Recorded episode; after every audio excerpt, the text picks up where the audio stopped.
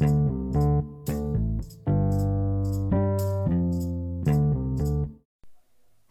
dit is uh, mijn podcast. Dit is podcast over IT leadership. Ik ben Melissa Marijnen. En je luistert naar deze podcast ofwel omdat je gewoon nieuwsgierig bent naar wat ik doe, want dit is de introductie. Podcast over mij, over wat ik doe, hoe ik in deze wereld terecht ben gekomen. Of je bent een van de deelnemers van mijn programma. Uh, misschien Leading the Pack, misschien een ander in-company programma. En ja, dan is het eigenlijk, waarschijnlijk heb ik jou deze podcast gestuurd om even alvast een introductie te hebben voor wie ik ben, voordat we elkaar in het echt gaan ontmoeten. Nou, dan weet je dat. Anyways, ik ben Melissa Marijnen dus en ik train en coach IT'ers in een senior positie, senior functie, die bijvoorbeeld leidinggevende zijn in een team, leidinggevende verantwoordelijkheden hebben, scrum master zijn, lead developer, senior developer, hoe je het ook wil noemen. Je hebt een bepaalde rol binnen jouw team, of je leidt het team, of je bent gewoon eigenlijk uh, een senior die, waar veel mensen naartoe komen om meer te weten. En je hebt gewoon leiderschapsskills nodig, manier van denken nodig, waardoor je echt die, die, die stap kan zetten van niet alleen expert, maar ook iemand die ja, de leiding pakt en directief kan zijn, uh, andere mensen kan helpen, andere mensen kan coachen. Allemaal van dat soort thema's. Nou, jou geef ik uh, coach ik of train ik. En dat doe ik voornamelijk voor IT-consultancies. En die consultancies willen gewoon heel graag dat hun senior IT'ers hun ja, level uppen, om het maar even gek Engels, Nederlands te zeggen. Uh, dus die willen heel graag dat je nou, naar het volgende niveau gaat als het gaat, op, als gaat om leiderschap tonen. En niet alleen binnen je team, maar vooral ook in contact met je klant, met de opdrachtgever. Kan natuurlijk ook een interne klanten zijn, zodat je ja, sterker in je schoenen staat, maar ook je klant beter kan helpen. Dat je ook beter kan aangeven uh, ja, hoe, wat, wat de juiste beslissingen zijn. Uh, om een, voor, een, voorbeeld te geven. Uh, laatst was er iemand die eigenlijk niet eens was met de beslissing van de klant. En um, dacht, nou ja, weet je, de klant moet het maar zelf weten. Maar hij was er niet mee eens met iets, omdat hij gewoon zag dat het veel gemakkelijker, veel goedkoper en veel beter kon worden gedaan. Nou, als je je dan inhoudt als uh, IT'er, dan is dat natuurlijk vooral zonde voor de klant. Want dat is precies informatie dat ze nodig hebben. Nou, om eventjes een beeld te geven van wat ik doe. Uh, en, en hier ga ik nog veel meer op in in volgende afleveringen. Echt specifieke vragen. Uh, hoe je bepaalde uitdagingen aan kan gaan. Um, en daarbij wil ik vooral principes geven van manieren van denken. Zodat je het eigenlijk hè, niet specifiek alleen maar de stappen die ik je vertel of de tips die ik je vertel kan toepassen. Maar dat jij een manier van denken creëert die logisch is voor leiderschap in de IT. Nou, dat even over, ja, over deze podcast en over wat ik doe. En hoe ik, hoe ik vooral uh, dus IT'ers help. En nu over mij. Over ja, waar ik vandaan kom. Ik ben dus, ik ben geboren in 1982. Ik ben opgegroeid in Amsterdam. Eerst in de pijp, een ja, soort van uh, ja, quartier latin, zoals ze dat noemen. Gewoon een mooie uh, lekker drukke uh, wijk. als je ooit in Amsterdam bent, zou ik er zeker naartoe gaan. Heel veel leuke winkeltjes, heel veel leuke cafeetjes. Nou, daar ben ik opgegroeid en ik was dus ook vaak met mijn ouders in het café. Um, en vervolgens zijn we verhuisd naar de Waardgasmeer. En dit is vooral uh, interessante informatie als je zelf uit Amsterdam komt. Anders zegt het je misschien niet zoveel. Maar in ieder geval om even een beeld te geven over dat ik echt een stadskind ben. Ik ben echt opgegroeid in de stad en heb en enig kind. Dus ik heb van jongs af aan leren ja, praten met volwassenen. Dus je kan wel zeggen dat communiceren uh, een groot deel van mijn leven veel op heb ontwikkeld of iets dergelijks. Um, mijn ouders zitten zelf, zijn beide in de zorg. Mijn vader is arts en mijn moeder is verpleegster, allebei met pensioen inmiddels. Nog wel werkzaam, want ze kunnen niet stoppen met werken. Um, dus van hun heb ik niet per se een affiniteit met techniek gekregen. toch ging ik toen ik klein was al radio's uit elkaar halen. En was, had ik echt iets met techniek. Moet je je wel voorstellen dat er geen computers waren in die tijd. En sowieso al helemaal geen internet of iets dergelijks. Dus wat er aan techniek was, dat was heel weinig. Dus ik werd altijd gevraagd om bijvoorbeeld de videorecorder te installeren of de tv of alles op dat gebied moest ik altijd doen. Ik denk al sinds ik me kan uh, herinneren, dus echt denk al vanaf mijn zevende of zo. Mijn vader en moeder waren echt nitwits op dat gebied. Maar wat ik dus ook deed was radio's uit elkaar halen, omdat ik gewoon zo nieuwsgierig was wat er allemaal in zat. Dus ik heb altijd een affiniteit en een fascinatie gehad met wat techniek, technologie ons kan brengen. En ik ging zelfs uitvindingen maken. Nou, ik zal je het verder besparen, maar ik vond dat altijd heel interessant. En ik denk dat dat komt door mijn grootvader, de vader van mijn moeder, die deels Indonesisch, deels Nederlands, uh, product van de kolonie, zeg maar, uh, opgegroeid uh, in Indonesië. En die heeft daar MTS gedaan. Dat was de hoogst haalbare technische school in Indonesië. En hij werd radiotechnuit.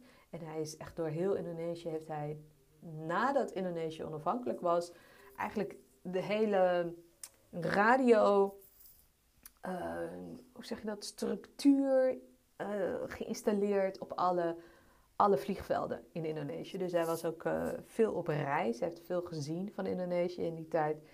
En, um, en dat was echt zijn fascinatie. En als kind liet hij mij in zijn werkplaats ook altijd alles zien op dat gebied. Dus hij was ook degene in de buurt in Nederland inmiddels.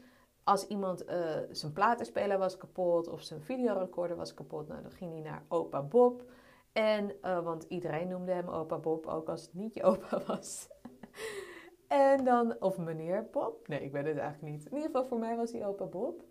En dan uh, werd zijn videorecord, weet je, werd je videorecorder gemaakt. Dus hij deed dat altijd. En ik denk dat ik van hem in ieder geval deels die fascinatie heb uh, overgenomen.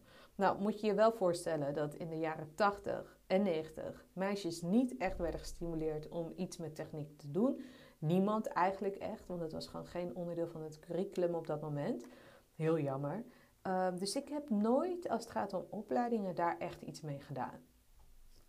Zeg ik dat goed? Ja, dat zeg ik wel goed. Uiteindelijk ben ik docent maatschappijlijk geworden en dat is ontzettend leuk geweest. Want ik merkte wel dat ik heel veel, ja, um, ja hoe zeg je dat? Aanleg heb in communiceren, voor groepen staan. Ik heb daar geen angst voor. Uh, en ik vind het ook gewoon super interessant. Ik vind leren zelf heel erg leuk. Dus ik leer heel veel, lees heel veel. Altijd al gedaan.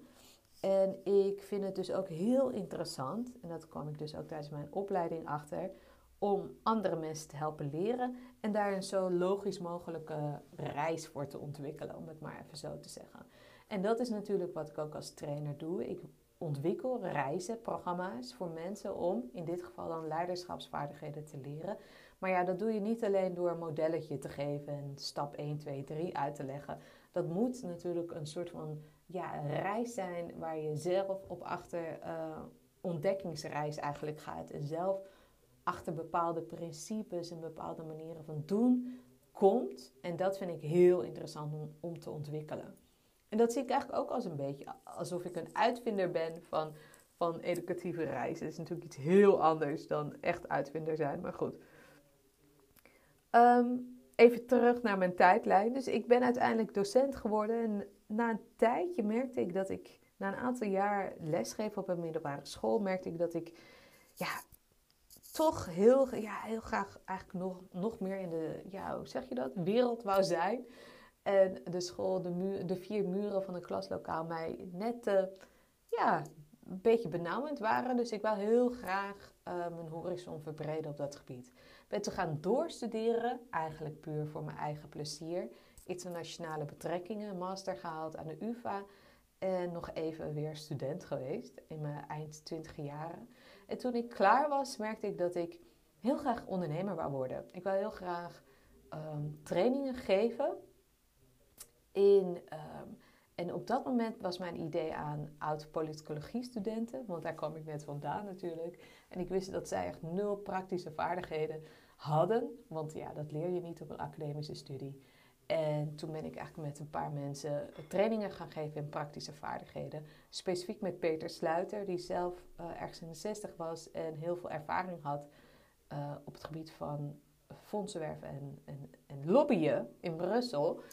Nou goed, anyways, hij werd mijn trainer. Maar na een jaar of zo vond ik dat toch iets minder interessant worden. En toen ben ik Professional Rebel gestart met Linda Vermaat.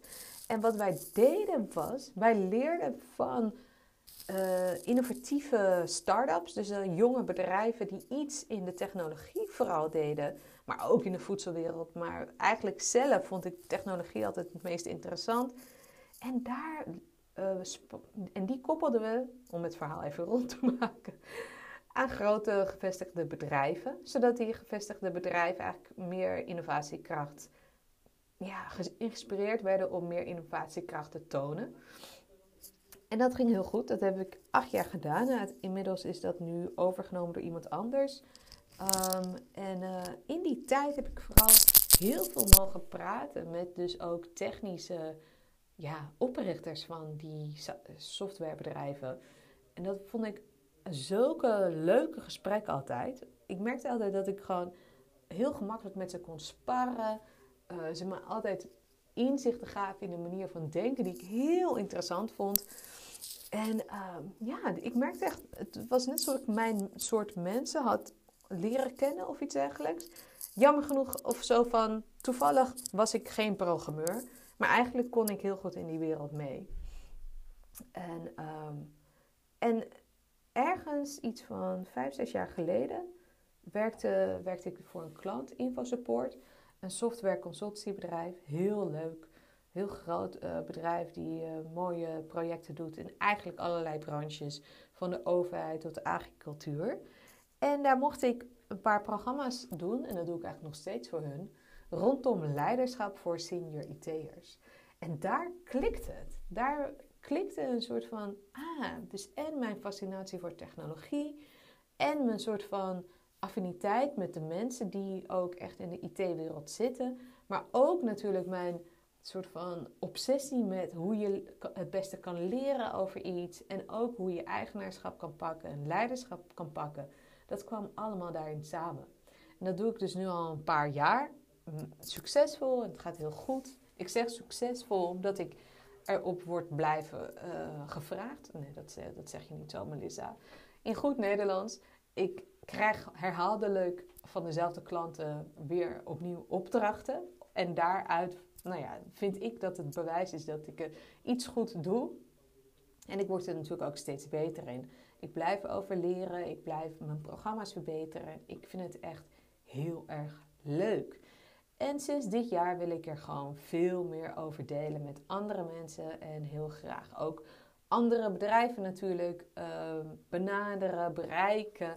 Uh, dus ja, dat is mijn origin story, zoals ze dat wel eens noemen. Dus dat is hoe en waarom ik in de wereld van de IT zit. Hoe en waarom ik in de wereld van de IT trainingen en coaching geef op het gebied van leiderschap en communicatie.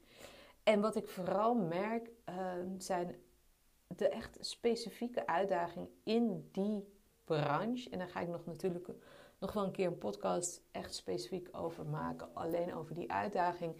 Is dat je als IT'er gewoon van nature niet zo heel veel meekrijgt over leiderschap en over communicatie.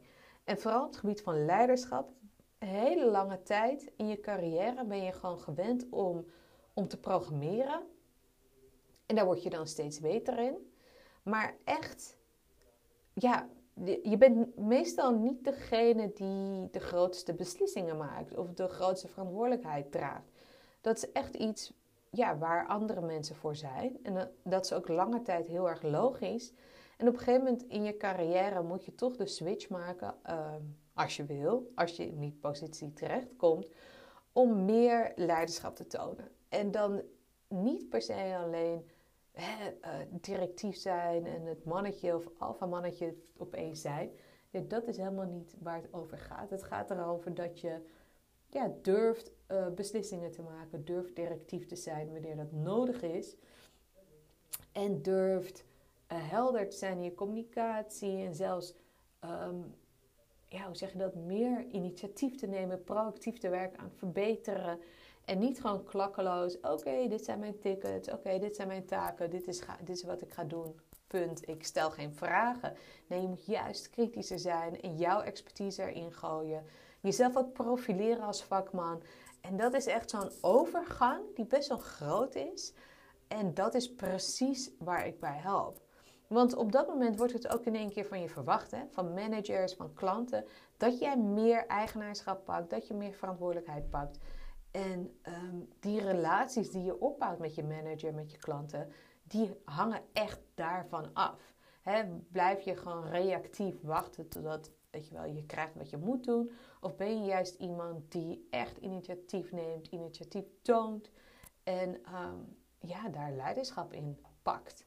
Dus dat is precies waar die ontwikkeling, daar zit ik echt op. Dat is mijn expertise. En daar adviseer ik over, daar geef ik trainingen over, daar ontwikkel ik programma's voor. Uh, dus als jij in de IT zit, je bent zelf senior IT'er um, en je denkt dit is echt een programma wat heel goed is voor ons. Of je bent manager van IT'ers. Of je bent HR-consultant eh, bij een IT-bedrijf, eh, IT-consultancy, laat het me weten. Als je meer wil weten over wat ik doe, kan je natuurlijk altijd naar mijn website melissamarijnen.com. Of je kan me mail sturen melis.marijnen.com. Melis, M-E-L-I-S, at melissamarijnen.com. Ik moet het wel goed zeggen. M-E-L-I-S, at melissamarijnen.com. Je mag me ook via Instagram opzoeken en een berichtje sturen via LinkedIn. Daar ben ik heel actief en deel ik vaak content. Ehm, ja, dus oh, en als je een deelnemer bent, laat me weten wat je hiervan vond. En ehm, ik hoop, als je vragen hebt, kan je me trouwens vragen hebben van, hé, maar hoe, hoe heb je die beslissing gemaakt in je leven? Kan je daar ook altijd uh, vragen over stellen. Nou ja, heel veel succes vandaag in je werkdag. of wat het dan ook is wat je vandaag gaat doen. En tot de volgende aflevering.